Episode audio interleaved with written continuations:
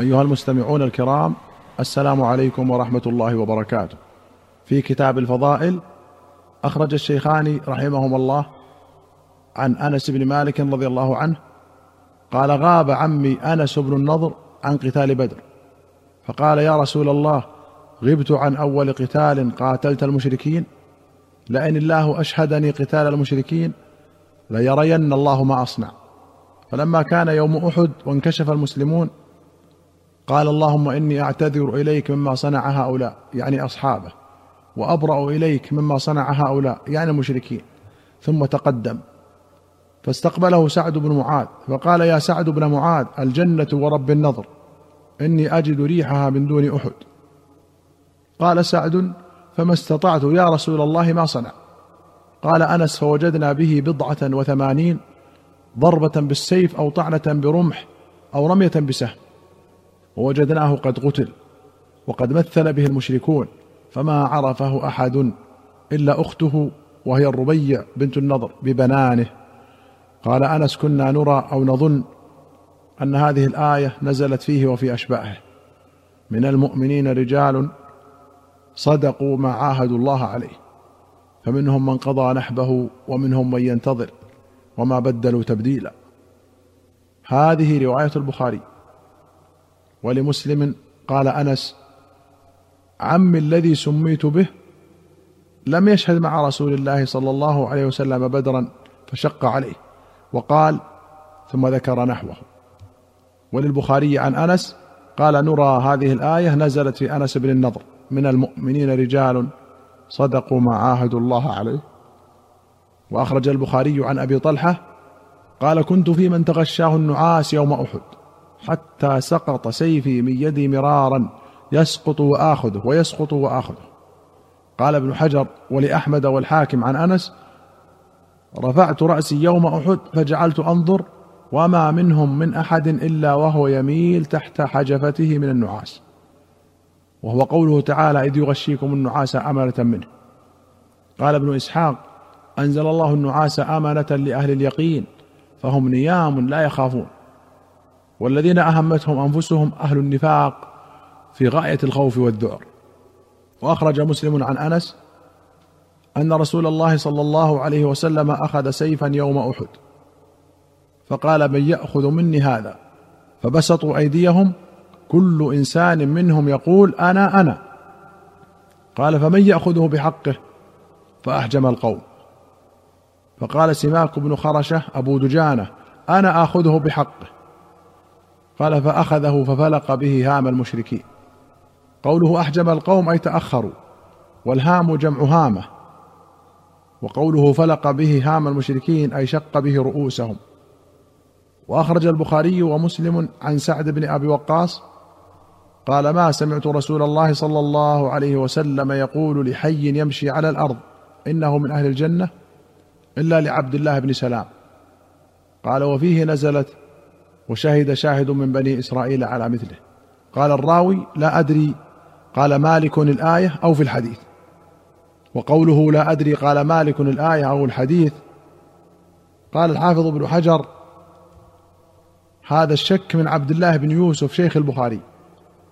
وليس ذلك في سياق الحديث بل هو قول مالك. أوضحه ابن وهب عن مالك وأخرجه الدار قطني من حديثه في غرائب مالك. وأخرج البخاري عن أنس قال أقبل رسول الله صلى الله عليه وسلم يسير حتى نزل جانب دار أبي أيوب الأنصاري فإنه ليحدث أهله إذ سمع به عبد الله بن سلام وهو في نخل لأهله يختلف لهم فعجل أن يضع الذي يختلف لهم فيه فجاء وهي معه فسمع من نبي الله صلى الله عليه وسلم ثم رجع إلى أهله. فقال رسول الله صلى الله عليه وسلم أي بيوت أهلنا أقرب؟ فقال أبو أيوب أنا يا نبي الله هذه داري وهذا بابي. قال فانطلق فهيئ لنا مقيلا. قال قوما على بركة الله. فلما جاء رسول الله صلى الله عليه وسلم جاء عبد الله بن سلام فقال أشهد أنك رسول الله وأنك جئت بالحق. وقد علمت يهود أني سيدهم وابن سيدهم وأعلمهم وابن أعلمهم. فادعهم فاسألهم عني قبل أن يعلموا أني قد أسلمت. فإنهم ان يعلموا أني قد أسلمت قالوا في ما ليس في. فأرسل إليهم رسول الله صلى الله عليه وسلم فأقبلوا فدخلوا عليه. فقال يا معشر اليهود ويلكم اتقوا الله. فوالله الذي لا إله إلا هو إنكم لتعلمون أني رسول الله حقا. وأني جئتكم بحق فأسلموا. قالوا ما نعلمه؟ قالها ثلاث مرار قال فأي رجل فيكم ابن سلام؟ قالوا ذاك سيدنا وابن سيدنا وأعلمنا وابن أعلمنا. قال أفرأيتم إن أسلم؟ قالوا حاشا لله ما كان ليسلم. قال أفرأيتم إن أسلم؟ قالوا حاشا لله ما كان ليسلم. قال أفرأيتم إن أسلم؟ قالوا حاشا لله ما كان ليسلم. قالها ثلاث مرار وردوا عليه. فقال يا ابن سلام اخرج عليهم. فخرج عليهم. فقال يا معشر اليهود اتقوا الله فوالله الذي لا إله إلا هو.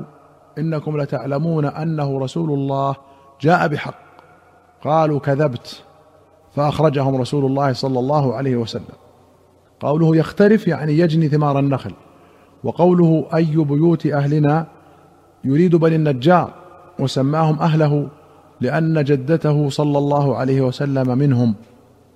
وأخرج البخاري ومسلم عن قيس بن عباد قال كنت جالسا في مسجد المدينة في ناس فيهم بعض أصحاب رسول الله صلى الله عليه وسلم فجاء رجل في وجهه أثر من خشوع فقال بعض القوم هذا رجل من أهل الجنة هذا رجل من أهل الجنة.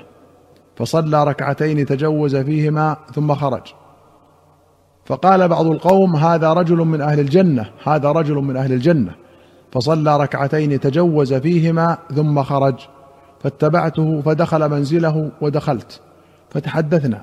فلما استأنس قلت له إنك لما دخلت قبل قال رجل كذا وكذا. قال سبحان الله ما ينبغي لأحد أن يقول ما لا يعلم. وسأحدثك ما ذاك. رأيت رؤيا على عهد رسول الله صلى الله عليه وسلم فقصصتها عليه.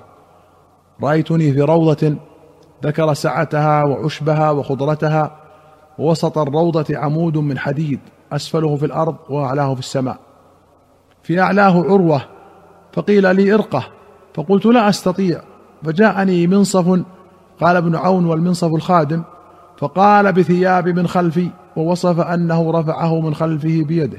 فرقيت حتى كنت في اعلى العمود فاخذت بالعروه فقيل لي استمسك فلقد استيقظت وانها لفي يدي فقصصتها على النبي صلى الله عليه وسلم فقال تلك الروضه الاسلام وذلك العمود عمود الاسلام وتلك العروه عروه الوثقى وانت على الاسلام حتى تموت قال والرجل عبد الله بن سلام وفي روايه لهما عن قره بن خالد قال كنت في حلقة فيها سعد بن مالك وابن عمر فمر عبد الله بن سلام فقالوا هذا رجل من أهل الجنة وذكر نحوه. أيها المستمعون الكرام إلى هنا نأتي إلى نهاية هذه الحلقة. حتى نلقاكم في حلقة قادمة إن شاء الله. نستودعكم الله. والسلام عليكم ورحمة الله وبركاته.